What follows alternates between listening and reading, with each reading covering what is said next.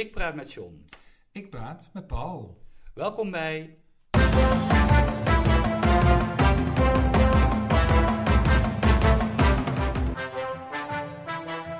John en Paul hebben woorden. Het is weer uh, bijna het eind van het schooljaar. Nou ja, het klinkt ook alsof de zomervakantie al begint. Nee, dat is in Zweden het geval. Maar hier, nog, uh, hier dan toch weer nog net niet. Maar het is wel een beetje tijd dat je dingetjes gaat afsluiten. En dan krijg je wel eens een bedankje van de student. Ach. Ja, en je hebt er net weg zitten werken. Oh, dat was die uh, zachte merci. Ja, grappig hè? Het is een beetje gesmolten. Ja, maar nou, wat ik grappig vind is die naam. Een, een treffende productnaam kun je eigenlijk bijna niet bedenken. Nee. Volgens mij heb je dan gewoon altijd opzet. Goede marketing, ja natuurlijk. Ja, dat is echt wel uh, de beste productnaam die, uh, die er onderhand is. Ja. ja. Ja. Nou, lekker. Ja, nou, dat zeker. Ja, dat wou je even kwijt. Dat wou ik even kwijt. Oh, merci.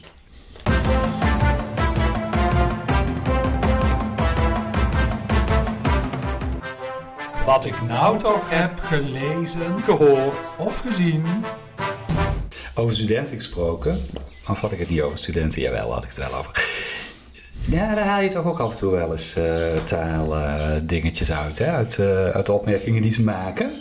En ik had een dialoogsessie afgelopen week met mijn studenten. En nou ja, goed, het ging over gezinnen, gezinsvormen.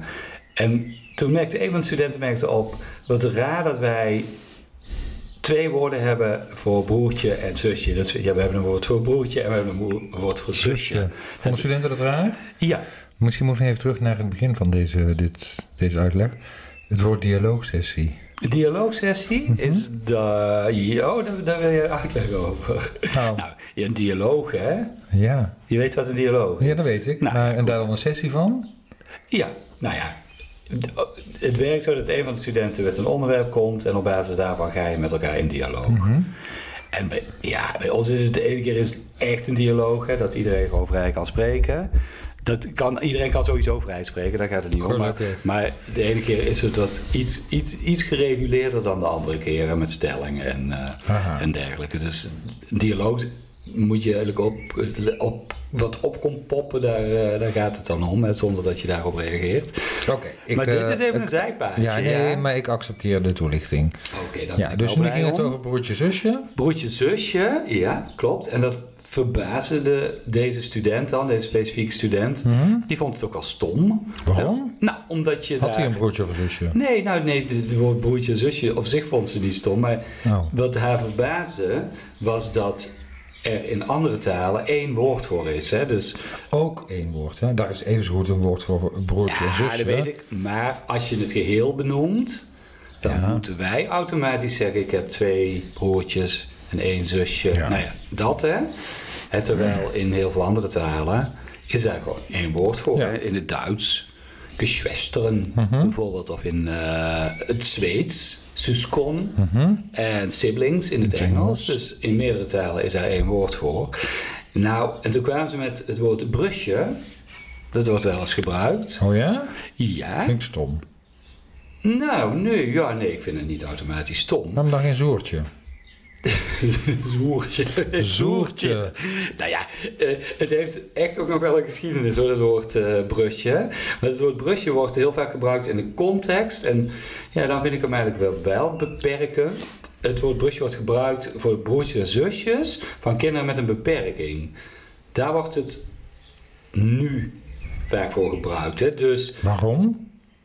ja, dat moet je mij niet vragen. dat moet je mij niet vragen. Maar, dus iemand die een kind... Wacht even, hoe moet ik dit nou goed uitleggen? Dus ja, je, stel, een poging. dus stel dat je hebt een kind met een beperking. Dat kan van alles zijn, autisme Ja, of ja. down. Of, eh, het maakt Ja. niet zo heel erg Mhm. veel uit. En die heeft een eh, broertje of een zusje. Dan is dat broertje of zusje is het brusje. Waarom? Ja, dat moet je mij niet vragen. ik heb het niet ja, bedacht. ja, nee, maar... Maar het woord brusje waar dat vandaan komt, dat heb ik wel uitgevonden. Ja, en dat, dat, is komt, een samenstelling van broer en zus. Ja, maar dat komt dan toch uit een andere context. Dat heeft Rita Vuik ooit eh, bedacht. Eh, Rita Vuik is een eh, psycholoog, of was, moet ik eerlijk zeggen, want ze is in 89 is ze al overleden, dus is al Mhm. best lang Geleden. geleden. Aan de Universiteit van Amsterdam. En zij heeft dat woord benoemd, maar dan echt wel voor broertje en zusje. Dus wel als sibling, zeg maar. Ja. Ja, en zij vond dat... eh, ja. En later is het dan van toepassing geworden op eh, die kinderen met een Nou, beperking. dat vind ik wel opmerkelijk. Als ik dus inderdaad nu ga googlen, komt het heel vaak in die context voor. Terwijl de oorspronkelijke context hè, van Rita Verhuik... Hm? Ja, dus dat was eerst. Ja, precies.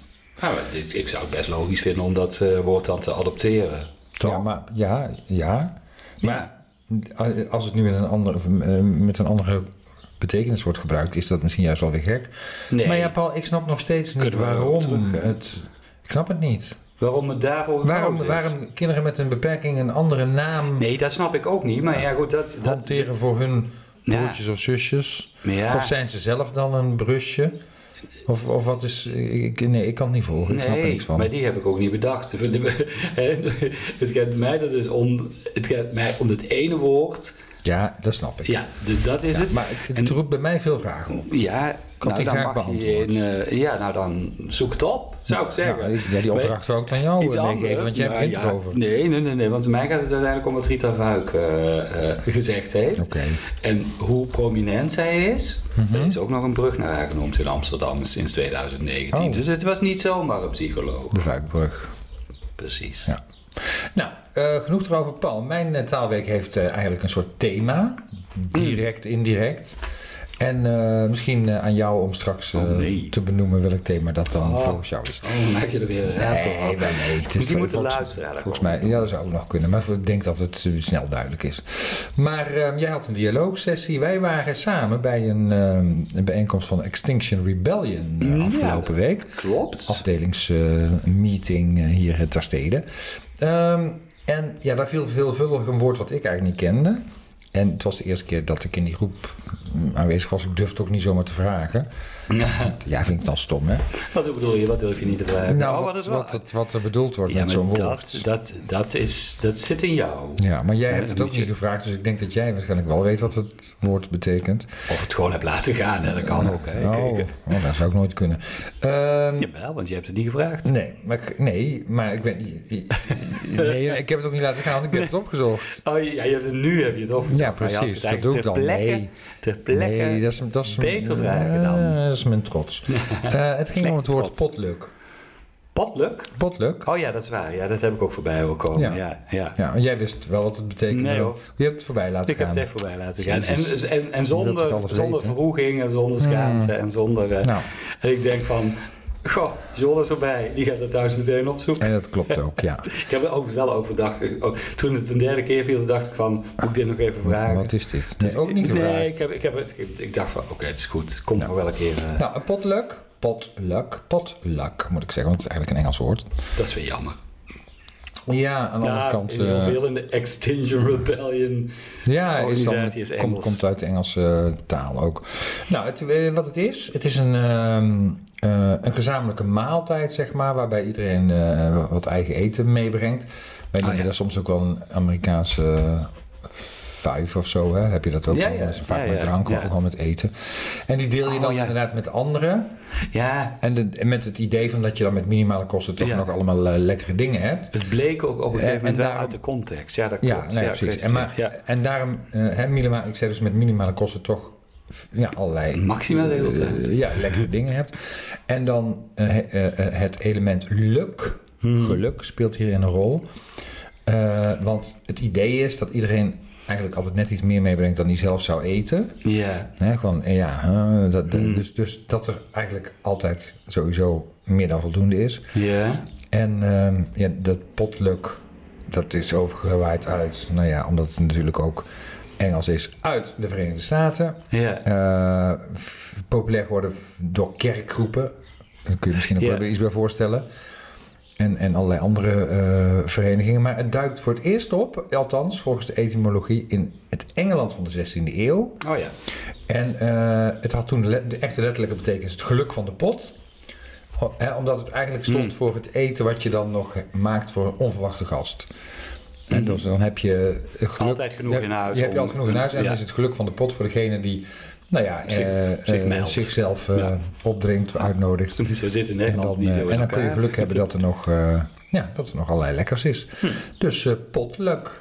Ja, mag ik er nog iets aan toevoegen? Ja. Wij deden dat altijd aan het begin van het studiejaar. Ja, ik relateer het maar weer even aan school. Dan was het zo dat we hadden een teamdag en dan nam je een gerecht mee uit het land waar je op vakantie was eh, geweest. Dat maakte je zelf of, eh, nou ja, goed. Dat brang- bracht je dan mee en dat was dan de lunch. En het nadeel daarvan was dat er altijd veel te veel overbleef. Omdat mensen... Ja, de potluck. Ja, nee, dat snap ik. Maar ja, dat ging dan maar weg. Ja, dat is En ook dus dat is hè? dan toch het, eh, de, toch het nadeel. Ja. Ja. ja. Maar goed, eh woke of niet woke, dat maakt niet uit. Ja, nee, ik, ik, ik leid het zo in omdat mijn volgende over woke eh, gaat. Mhm. We hadden het natuurlijk vorige week ook al over. En de lelijke framing van het woord, hè, waar, waar, waar ik me heel erg aan, eh, aan stoor. En ik kwam een ingezonden brief in de Volkskrant tegen van Willemijn van Gent. En zij stoort zich daar ook aan. En ze had een alternatief, ze had een, eh, een betere voorstel. Zij oppert om het eh, negatief geframeerde woord woke te vervangen door dus het woord woke, door vrijdenken of empathisch. Dat is dan verstaan woke. Mhm. En anti-woke of niet-woke, dat is dan kleinburgerlijk of benepen. Ja, dus, Als we dat nou eens zo gaan benoemen. ja, over framen gesproken. Nee, ja, Ja, dat natuurlijk. is wat het wel is. Eh, ik denk dat de anti-wokers dat niet zo zien. Nou, die zijn over het algemeen Die zullen, want die zullen ze van zichzelf nooit zeggen, of benepen, of wat dan ook. Dus wat dat betreft is het ook al enorm geframed. Ja, natuurlijk. Dat is, dat is natuurlijk een ook het idee van de, van de brief. Maar het, het, eh, het zegt eigenlijk wel wat er aan de hand is. Ja, dat is nou ja, vanuit een bepaalde optiek, vanuit een bepaalde in- invalshoek. Ik, ik zeg al, ik denk dat anti-wokers daar heel anders over zullen denken. Ja, maar het is een goede poging. Kleinburgerlijk, benepen. Ja. Ja. Eh, heb jij ooit gehoord van de Food 100? Food 100, moet ik misschien zeggen, weer Engels. Food 100. Nee, ja, nee, nee, nee. Nee? Ja, nee, niet, niet zo 1, 2, 3. Eh, ja, de Food 100, dat, en, en, en dan kom ik eigenlijk meteen bij het woord wat mij opviel.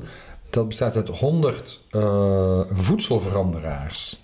Voedselveranderaars. Oh ja, oké, het is zo'n voedhond. Oké, ja. Nee, Ja, dan, snap ik het. Jij hebt natuurlijk heel veel... Je dacht aan voed? Nee. Nee, nou, ik dacht van dat het meer op het voedsel gebaseerd eh, was. Maar Ja. het is dus op degene die het veranderen gebaseerd. Ja, Ja. ja, voedselveranderaars. Nou, wat doen die vo- veranderaars? Wat, eh, dat kan waarom staan alles. ze in die lijst? Dat kan van alles zijn. Ja, als je, als je bijvoorbeeld eh, heel veel eh, nou, eh, alternatieven hebt voor eh, vegan. eh, daar, daar zal ongetwijfeld iemand vanuit die hoek in, eh, in de Food 100 staan. Eh, maar je kunt Ja, dat snap ik niet zo goed. bereidingsvormen. Nou, het is natuurlijk vaak zo dat nieuwe vormen niet automatisch geadopteerd worden. Nou, als je daar een goede idee over hebt, waardoor het aanstaat bij een breder publiek. Bijvoorbeeld, het kan natuurlijk van alle kanten, kun je natuurlijk in die Maar voet, wat voor nieuwe vormen voet dan? 100 komen. Nieuwe bereidingswijzen. Ja, dus dat je iets... eh, Ja, maar daar gaat. Jij hebt dit uitgezocht. Ja, nee, maar daar ik was even benieuwd gewoon om. wat jouw beeld erbij is. Nee, nee, dus iemand die een invloed heeft op, de, op voedsel. En volgens mij kan het zijn in het, eh, het, het, het uitvoeren, het, het eetbaar maken. dus, Mhm. het, het, dus het culinaire stuk. Maar ook, als ik me niet vergis, in het, eh, het, het maken ervan. Hè? Dus het ingrediënten. Dus Ja, nou, het, het klopt ook al wat je zegt. Alleen, ik mis even één element. Want die eh, voedselveranderaars die zorgen dus inderdaad... of die zorgen vooral voor beter en duurzamer eten en drinken. Oh, ja, Voor iedereen. dat, dus het gaat om het, een innovatief karakter, zeg maar. Mhm. Dus misschien wel een nieuwe manier van bereiden. Maar die, dat, die duurzaamheid of oplossing voor problemen in het voedselsysteem... dat, dat eh, zijn elementen die, daar, eh, die daarbij horen. Eh, en dat kan inderdaad op allerlei manieren, daar heb je gelijk in. Ehm, wat ik een beetje gek vond, eerlijk gezegd, want ik heb even gekeken naar de laatste Food 100, 100. Eh, die is van vorig jaar, want je kon er nu weer, eh, volgens mij komt er komende maand of deze maand weer een nieuwe lijst uit. Eh, dat het bestaat uit eh 100 mensen, niet op volgorde van 1 tot 100, er is geen nee, nummer nee, 1. nee, nee, Maar die ik. zijn of ouder of jonger dan 35, dus elk 50. Ja, dat is meestal met dat soort lijsten. Ja? Ja, Oh. ja je hebt hier meer ook in design en in... eh, Hm. ja. Maar dan zijn er, van die 100 zijn er wel zes foodhelden. Oh ja. Die hebben ze dan uitgepikt. En die kunnen dus dat uit die hele top 6. lijst. Ja, Ja. maar dat zijn er dan drie. En dat vind ik dan gek. Onder de 30 en boven de 30. Terwijl die eh, lijst die bestaat uit eh, boven de 35, 35. en Ja, onder dat, de is niet, dat is 35. niet zo consequent. Beetje dat, snap, dat ik niet zo. Ja. Nee. Eh, en wat staat er onder andere in? Onder de 30 eh, is Bas Antonissen, dat is de mede-eigenaar van Boerbas. Mhm. En dat is een gesloten varkenshouderij. En dat betekent dat het allemaal heel eh, en diervriendelijk is en duurzaam. En, eh, Nou, het varkentje moet eraan geloven, dus diervriendelijk is het nooit. nou, het is maar hoe je ermee omgaat, denk ik. En eh, Boer Bas heeft daar kennelijk een, een goed systeem in gevonden. En boven de 30 eh, Leon Meijer. Eh, en dat is de eerste wethouder food Hmm. in Nederland in de gemeente Ede. Oké. Dus eh, nou, het feit dat je daar dan wethouder in bent, is al voldoende om als foodheld te worden eh, bemiddeld. Ja, Daar moet natuurlijk nog met, met goede taak. plannen komen. ik Ja. wil het zeggen. Ja, maar, maar- zijn het allemaal Nederlanders in de lijst dan? Ja, ja, het is een Oh, Nederlandse Ne- oh, lijst. Sorry. niet- Had ik het oh. niet verteld? Nee. Ja, nee, het is een Nederlandse Nee. lijst. Wat jammer dan, die Engelse naam weer. En wat was nou het taalcomponentje hier? Voedselveranderaar. Oh, voedsel. Vond ik een, Ja. eh, een woord wat, ja, waarvan, waarbij ik even moest nadenken. Dan ben ik naar op zoek gegaan. Ja, nee, dat is duidelijk. Weet jij welk geologisch tijdperk we leven? Hmm, nee. Ehm, nee. dat is best ook eh, een moeilijke vraag, hè? Dat is een moeilijke vraag. Dus- nou, dat kun je, je kunt het op meerdere manieren beantwoorden. Dat we leven in het Cenozoicum. Je hebt van gehoord. Dat is, dat is fijn. En dat is de geologische geschiedenis tussen 66 miljoen jaar geleden en nu. Maar het Cenozoicum is weer verdeeld in andere. Hè, in het kwartair. Dat is dan een kleinere eenheid. Dat is van 2,58 miljoen jaar geleden tot heden. Dat is ook weer eh, verdeeld in twee tijdperken die je waarschijnlijk wat eh, bekender voor zullen komen. Het Holocene En het Pleistoceen. en het Pleistocene. Ja, ja en, het, en wel- welke leven we nu? Ja, dat heb je toch net gezegd? Even, even, even die twee. Oh. Oh, dus wat is... Oh, oké. Ik denk het Pleistoceen. Nee, het Holocene. Ja. En dat is van eh 11.700 jaar geleden tot nu. Oh. Maar er zijn mensen die vinden dat er een nieuw tijdperk begint. Dus dat het Holocene voorbij is en dat er Mhm. een nieuw tijdperk eh, zou mogen komen. En daar hadden mijn uh, studenten... Ja, ik, ik, ik, ik, ik Ja, hoor weer mijn die studenten-. Nee, ja goed. Het, Ja. het- het is ook een, eh, een onderdeel van hun studie, van het onderzoek. En dat is het Symbiocene. Oké. Dat zou het tijdperk eh, moeten zijn. Als je nou het, eh, het, het, het, het, de huidige tijd, het Holocene, dat is de tijd waarin de Noordzee ontstaan is en waar de, de duinen zich gevormd hebben in de kuststrook. Heel veel natuurlijke ontwikkeling eh, vooral. Mhm. Eh, de, de moerassige veengebieden van Holland, eh, bla bla. Dus allemaal redelijk natuurlijke ontwikkelingen. Maar we zijn natuurlijk een stukje verder en dat natuurlijke is natuurlijk best een beetje naar achteren geschoven, kunnen we misschien wel zo zeggen. En het Symbiocene, dat is dan een tijdperk waarin mens, natuur en technologie samen een nieuwe balans gaan creëren.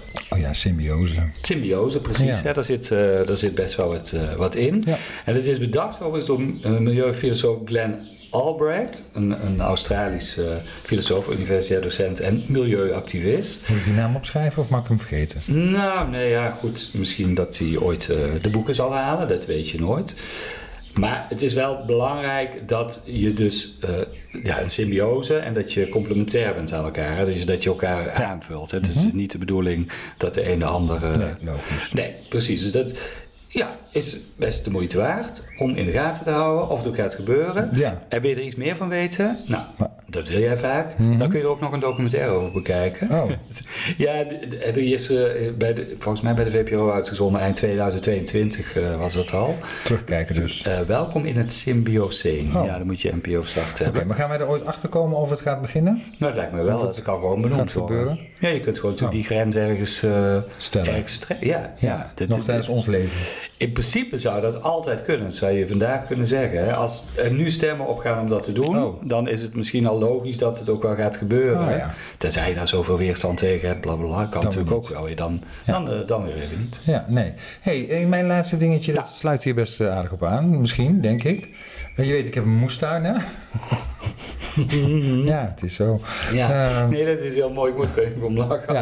als, ik het heb over de vorming van de kuststroken van de tuin. Ja. En, Nou ja, goed. Ik heb een moestuin en eh, ik, ik, da- da- ik- in, in, een, eh, hoe heet dat? Op een eh, verenigingsweide. terrein. Ja. maar even zeggen, terrein, ja. En wij moeten daar heel erg ecologisch tuinieren. En ik doe dus ook wel eens aan groenbemesting. Ja, ja. Groenbemesting is goed. Ook, ja, goed in de zin van voor de grond en tegen de stikstof. ja. Ehm, en ehm, eh, de overheid, eh, die promo- promoot ook eh, de groenbemesting. Oh, krijg je subsidie? Ja, nee, niet zozeer bij mij, maar Eh, wel eh.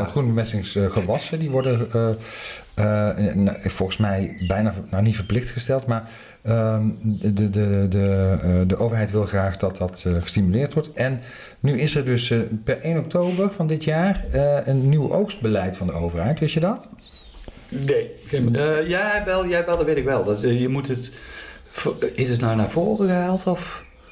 Ja, wat? Ja, het oogsten. Het Daar gaat oogsten. Het, gaat ja, het, het is naar, naar voren je gehaald. had het ook over omdat, oogstbeleid. omdat groen bemesten, dat moet je ook al vroeg doen. Daar moet je vroeg mee beginnen, want je moet Ja. die, die gewassen maar daar moeten heel, daar gekweekt is, worden. er is veel weerstand tegen. Daar is veel weerstand tegen. Want moet voor Ja. 1 oktober moet, eh, Ja. moeten bepaalde gewassen dan geoogst zijn. bijvoorbeeld. Ja, precies, die. Ja. En het is ehm, eh, met een nat voorjaar, ja, kan het eigenlijk niet, want dan komt het dan pas later op Nee. gang. Dus dan is 1 oktober helemaal niet haalbaar. Dus dat is voor, eh, voor boeren is dat echt eh, ja, niet, niet, nee, nou ja, ge- geen goed nieuws. Nee. Maar dat gaat dan dit jaar in. En eh, ja, kwakkel voorjaar of niet, regels zijn regels. Dat is wat Piet Adema erover zei, de landbouwminister. Ehm, en die vindt dus dat het gewoon moet gebeuren, de minister. En de agrarische sector, en dat is eigenlijk het woord wat me opviel, die noemt dit beleid kalenderlandbouw. En dus dat je echt Volgens de kalender gaat redeneren. Precies, ja. terwijl en het dat is natuurlijk- eigenlijk wat we helemaal niet willen. Nee, dat denk ik ook dus, niet. Dus je moet toch, denk ik, meer... Dat zouden we misschien sowieso meer moeten doen, kijken naar de seizoenen. Ja, ja. En, En- en, natuurlijke omstandigheden en niet inderdaad naar de kalender. Nee. En als het dan dit jaar inderdaad zo is zoals het nu is, ja, Ja. dan hou je daar aan ja, vast. dus kalenderlandbouw. Weet je het thema al, eh, Paul, van... eh, Zitten we in voedsel, grondgewassen? het, het, het zat in voedsel. Je zou kunnen ja. zeggen, het kan ook klimaat zijn. Zou Ja. ik ook goed rekenen. Ja, precies. Ehm, maar het was eh, voedsel. En, en tot slot nog even dan. Vanavond, Ja? dan bezoek ik een verdiepingsmaaltijd. Oh ja? Ja, ik heb nog geen idee wat het inhoudt. Nee. Maar als het voldoende interessant is, dan zal ik daar in de volgende podcast zeker een, een verslag van doen.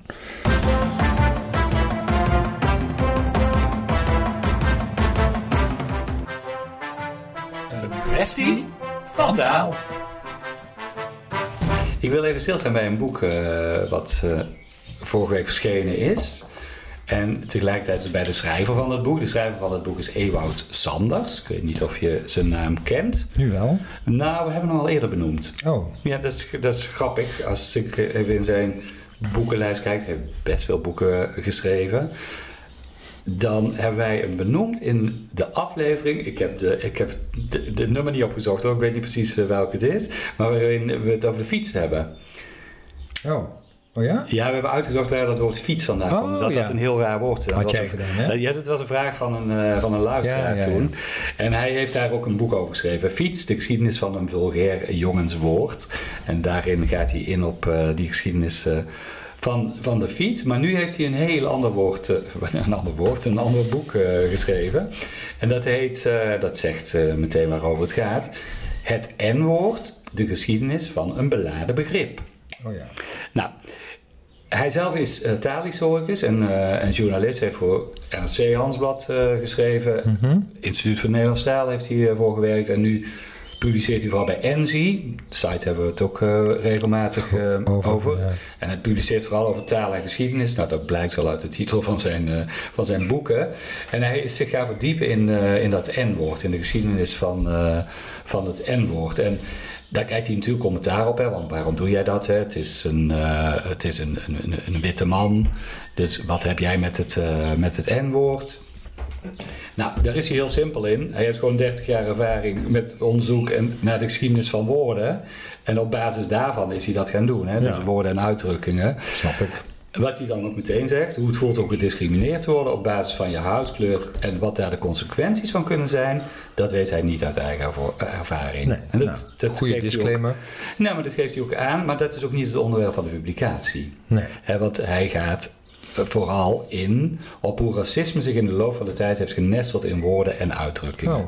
Nou, dat is best een, eh, een mooi thema Ja, in, eh, in deze tijd. En hij is daar nogal wel van geschrokken. eh, en hij noemt een aantal voorbeelden en die ga ik eh, hier voor een deel ook eh, noemen. En ik moet zeggen dat ik daar ook, eh, ook echt eh, van schrik. Hij heeft het onderzocht aan de hand van woordenboeken en encyclopedieën. Een onthutsende geschiedenis eh, noemt hij het. Zo trof hij in een naslagwerk aan het eind van de 18e eeuw trof hij de omschrijving voor het N-woord. Vind je dat ik het één keer volledig uit moet spreken? Dat doet hij natuurlijk in zijn eh, boek wel. Ja, ja ik, vind- ik vind het goed. Ik, eh, Ik vind ze er niet zo lekker uitkomen, dus ik ga dat je niet doen. Oké, nou. Dus hij is, eh, ja, ik Vraag het van- me dan niet. Nou ja, maar ik vind fijn dat ik je toestemming had. Hmm. Eh, beestachtig, ongodsdienstig, onredelijk, ontrouw, schaamteloos, woest en vreed zijn. Stamden zij gelijk wij wel af van de eerste mens. Dat staat dus in een publicatie eind eh, 18e eeuw. Van? Wat van? Wie is daar de schrijver van dan? Of Die bron auteur? vond ik niet zo belangrijk. Oh, kun je, nou ja. als, je, als je de bron, ja, nou goed, als je de bron echt wil weten, dan kun je terug eh, in, in, in het boek. eh, Mhm. In dit, eh, dit geval raad ik je dan ook eh, zeker aan. Het boek van, eh, van Ewout Sanders. In de, tot in 1950, dat is dan weer wel een, eh, een bron. De dikke vandalen merkte daar nog op dat zwarte mensen een hoge, smalle schedel hebben. Ja, sorry hoor. Ja. Wat hem ook is opgevallen is, en dat, daar was hij mee bekend, schrijft hij, hè, dat tot, eh, tot begin deze eeuw eh, mensen tentoon, zwarte mensen tentoongesteld werden als een, eh, als een bijzonderheid. Hè? En dat gebeurde ook gewoon in Ja. Nederland. Mhm. En in 1928 merkte hij op, dus nog geen 100 jaar geleden, werden er honderden Singalezen geëxposeerd op een nijverheidstentoonstelling in Rotterdam. Dus mannen, vrouwen en kinderen bij elkaar gebracht in een, nou noem ik het toch nog maar even wel, in een negerdorp in Blijdorp. Dat is toch bijna. Het ja, het was toen nog wel echt was- kijken. Ja, maar het was toen nog een polder. Dus dat is dan nog even een. eh, nou ja. Zeker drie landelijke kranten, eh, schrijft hij, plaatsen een foto van een zwart gezin voor een negerhut. Het bijschrift luidde: In de binnenlanden van Afrika kan het niet inheemser teruggaan dan bij de, eh, de familie van Negerenstein. Adres: Negerdorp. Serieuze krant, hè, die dat dan, Ja, ja, ja, eh, dan ja. schrijven. Nou ja, goed, die toon die kom je heel vaak eh, tegen, zegt, zegt hij. Hij refereert er dan nog aan dat heel veel mensen toen we daar de discussie over gingen voeren, het, over het N-woord, dat heel veel mensen toen zeiden, heel veel witte mensen zeiden voor, voor mij is het een neutraal woord, ik bedoel daar niets, eh, niet mee. Maar ja, al in eh, 1825, dan krijg je wel even de bron, schreef Pieter Weiland, dat was een lexicograaf eh, uit die tijd. Hij schreef, laat daar geen misverstand over bestaan. Toen al werd het woord gelijkgesteld aan slavernij, aan slaven. Hmm. Dus ja, hoe neutraal is het dan, hè? Nee. Nou, ik vind het een, eh, eh, een, een, een, een mooie zoektocht. eh, de geschiedenis van een beladen begrip, het N-woord van Ewout Sanders.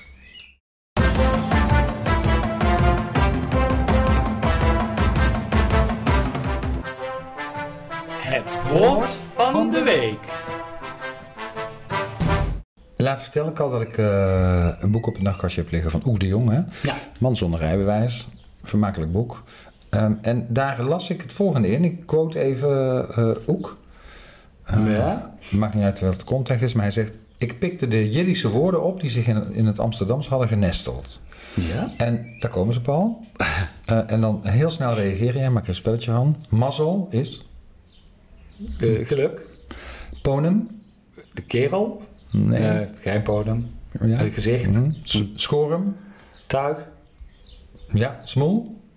gezicht. Gezicht, ja. Agenebbisch. Eh, dit is nog wel scharrig. Ja. is, scharrig is misschien ook al... Mm, ja. ja, nog ja. zoiets? hoor? Gabber. Maat. Capsones. Sterrenlures? Ja, ja, koude drukte, zeg maar. ja, ja. Slemiel? Sukkel? Ja, ja, incompetent persoon staat er dan als Ja. je het gaat opzoeken. Bias? De lik? De, nog? de gevangenis, zeg maar. Het. Gozer? Kerel? Ja. Wat grappig is, dat aanvankelijk, en Jiddisch betekent het schoonzoon of bruidegom. Ja, dat is hè, Gozer, dat het dan ja. toch... eh, die hebben alles gehad, ja. Dat is grappig. Rams? De dump? de Rommel eigenlijk. rommel, ja. En nu is het dump of uitverkoop, maar rommel. Vooral bij boeken trouwens. Dat is wel grappig dat ik heel vaak op woorden kom die zelf al eh, Ja. een beetje... Nobbes? Niets? Togus?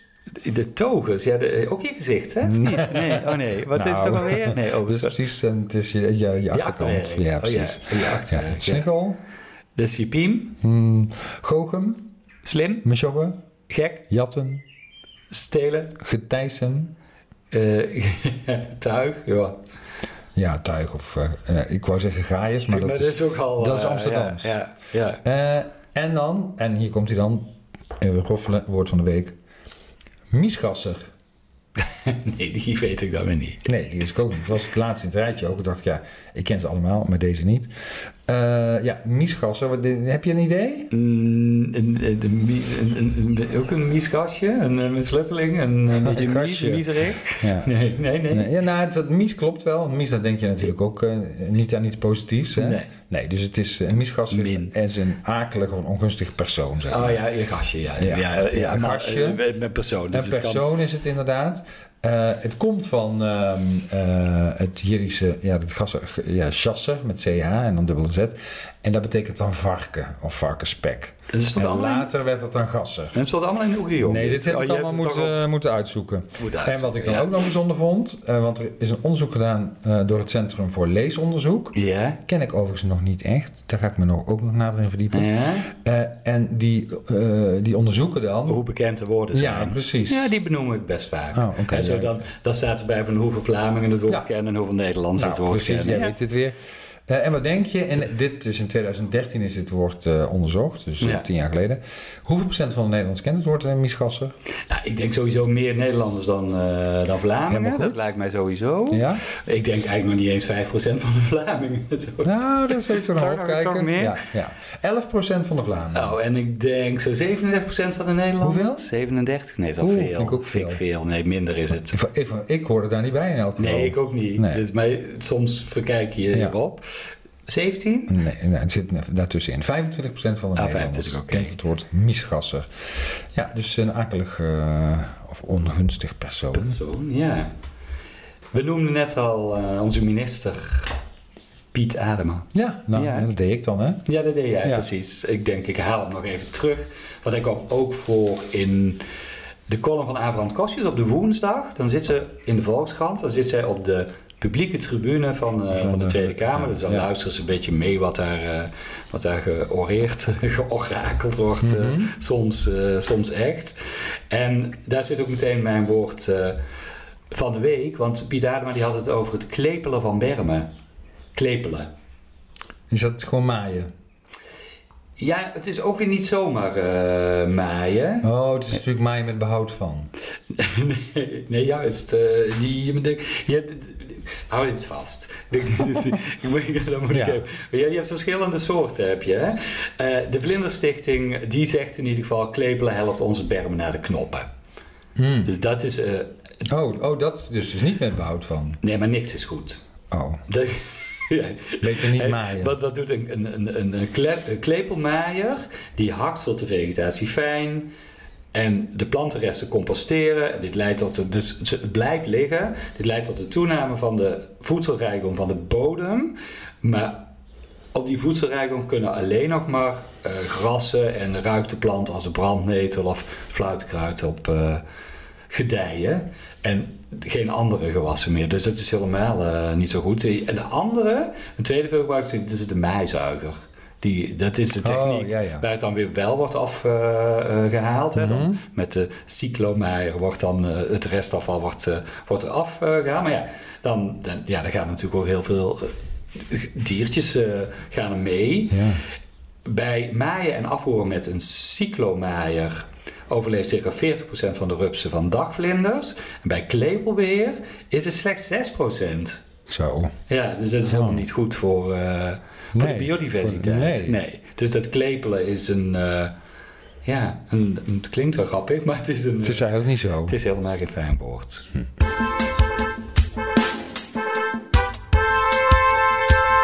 Kent u die uitdrukking? Nog eventjes iets met klimaat. Alweer? Eh, ja, dat kwam, was een uitdrukking eh, die, eh, waar studenten eigenlijk mee kwam. alweer? ja, vanwege, ja, in mijn Ja, geval gebeurt dat ook wel eens. Ja. Oh, in, verband, in verband met de aanhoudende droogte Hmm. ging het over het regent pijpen stelen. En toen was de eerste vraag eigenlijk: Oh, is het nou pijpen of pijpen stelen? Nou, Hmm. wat denk jij? Nou, dat weet je toch wel. In in principe zou het tegenwoordig met een N moeten zijn. Ik vind het alleen zo lelijk. Officieel moet het met een N, was vroeger ja. niet zo. Nee, is- Eh, dus pijpen stelen wordt volgens mij ook nog wel eh, gehanteerd. Ehm, maar pijpen moet het eigenlijk zijn. Maar eh, wat is het? Want dat vond ik dan eigenlijk zelf nog iets eh ja, dat keihard regent. keihard regent. Ja. Dus niet, Ja. eh, niet zomaar even een licht buitje. Nee, precies. beetje nevel een of wat dan ook. eh. Of, ja, het duurt lang en het regent hard. En waar komt het vandaan? Want dat, vind ik dan nog het meest nou ja, dat heb jij natuurlijk uitgezocht. Maar heb je daar een idee van? Nee. Nee. Eh, pijpen stelen. Ja, het, wat wordt er mee bedoeld? Letterlijk de steel van een pijp. Ken je Oh. wel, hè? Ja. Oh. Oh. Ja, die, eh, dat is zo'n stenen tabakspijp van vroeger. Dus die witte, Dus lange dingen. Recht, Het is al zo lang, oud. dun. Ja, zo oud is het al. Ehm, en daar, dan kun je je voorstellen dat die regen... Soms zie je dat wel eens in zo'n stripverhaaltjes. Hmm. Ja. Zo met die lange, lange, rechte, dunne stralen naar beneden komt. En eh, daarom heet het dus het regent pijpen stelen. Hmm. Omdat het er zo uitziet. Nou, er zijn nog heel veel eh, andere uitdrukkingen die aangeven... eh, dat het hard regent. eh, die ik lang niet allemaal kende. Die kwam ik ook allemaal tegen. Ja, dat verbaast me niks. Ja, Dat is, dat is het regent koeienstaarten. Ja, dat is het. Oh, oh echt waar? Mollenjongen. Hoe? Het regent mollenjongen, dan is de lucht ook nog heel zwart. Molle, jongen. Ja, mollenjongen. Oeh, dat vind ik best wel raar. Ja, dat doet het regent telegraafdraden, ook nog nooit van gehoord. nee. Het regent stront van de dijk, daar heb ik Nou, dan wel eens van gehoord. Nee. Maar dat snap ik ook nog niet steeds. Is me nog niet, Nou, de reeks zo hard de stront van de dijk spoelt. Ja, dat. Dat denk ik dan. ja, ja. dus eh, nou, een heleboel eh, zaken over Ah, eh, is- regen. Maar voorlopig blijft het dus Droog. heel droog. Ja, ja, ja, precies. Ja. Ja, dus aan deze Dat uitleg is hebben we op dit moment misschien niet zo heel veel. Nee, maar dit, is, dit vind ik wel niet grappig. Hè? Want, want als je bij de Inuiten hebt, daar hebben ze toch vrij veel woorden voor sneeuw. Ja. En dat Ja, hebben wij voor voor regen. hè? Dat eh, Dat is waar. Ja, Ja. dat betekent dat het hier best vaak regent. Ja. Maar Ja, nu, maar dus nu nee, even nee, niet. Dat was, dat, weet je, nee, dat was de constatering. Nee. Nee, we, eh, Dus ja. tot zover het weerbericht. Ja, ik nee, niet echt bij die droogte en ook niet bij die hitte. Dus voor mij mag het een paar eh, graadjes minder. Ja. Dat, eh, dat wel. Nou, dan zijn we er doorheen. Eh rest ons om eh, iedereen nog even te wijzen op de manier waarop wij eh, benaderd kunnen worden. Hè, via johnandpaul.gmail.com. Ja, misschien heb je wel mooie woorden voor eh, alternatieven voor woke. Ja, en misschien een oproepje als ik zo vrij mag zijn. Ja? Omdat wij toch het voornemen hebben om in de vakantieperiode weer een paar thema eh, afleveringen Ja, de, op te de, nemen. wat kortere afleveringen. Precies. Dus, ja. Als je een idee hebt voor een thema waar wij maar eh, door. ons in moeten verdiepen, Geef dan eh, geef het door. En dat kan dus ook via de socials, hè? dat had je nog niet, nog niet gezegd. Nee, dat klopt. Ik ga me weer te goed doen aan een merci. Oh, dan wil ik ook. hè. Mag dat? Ja, dat mag gewoon. Oh, merci. Dag John. Dag Paul.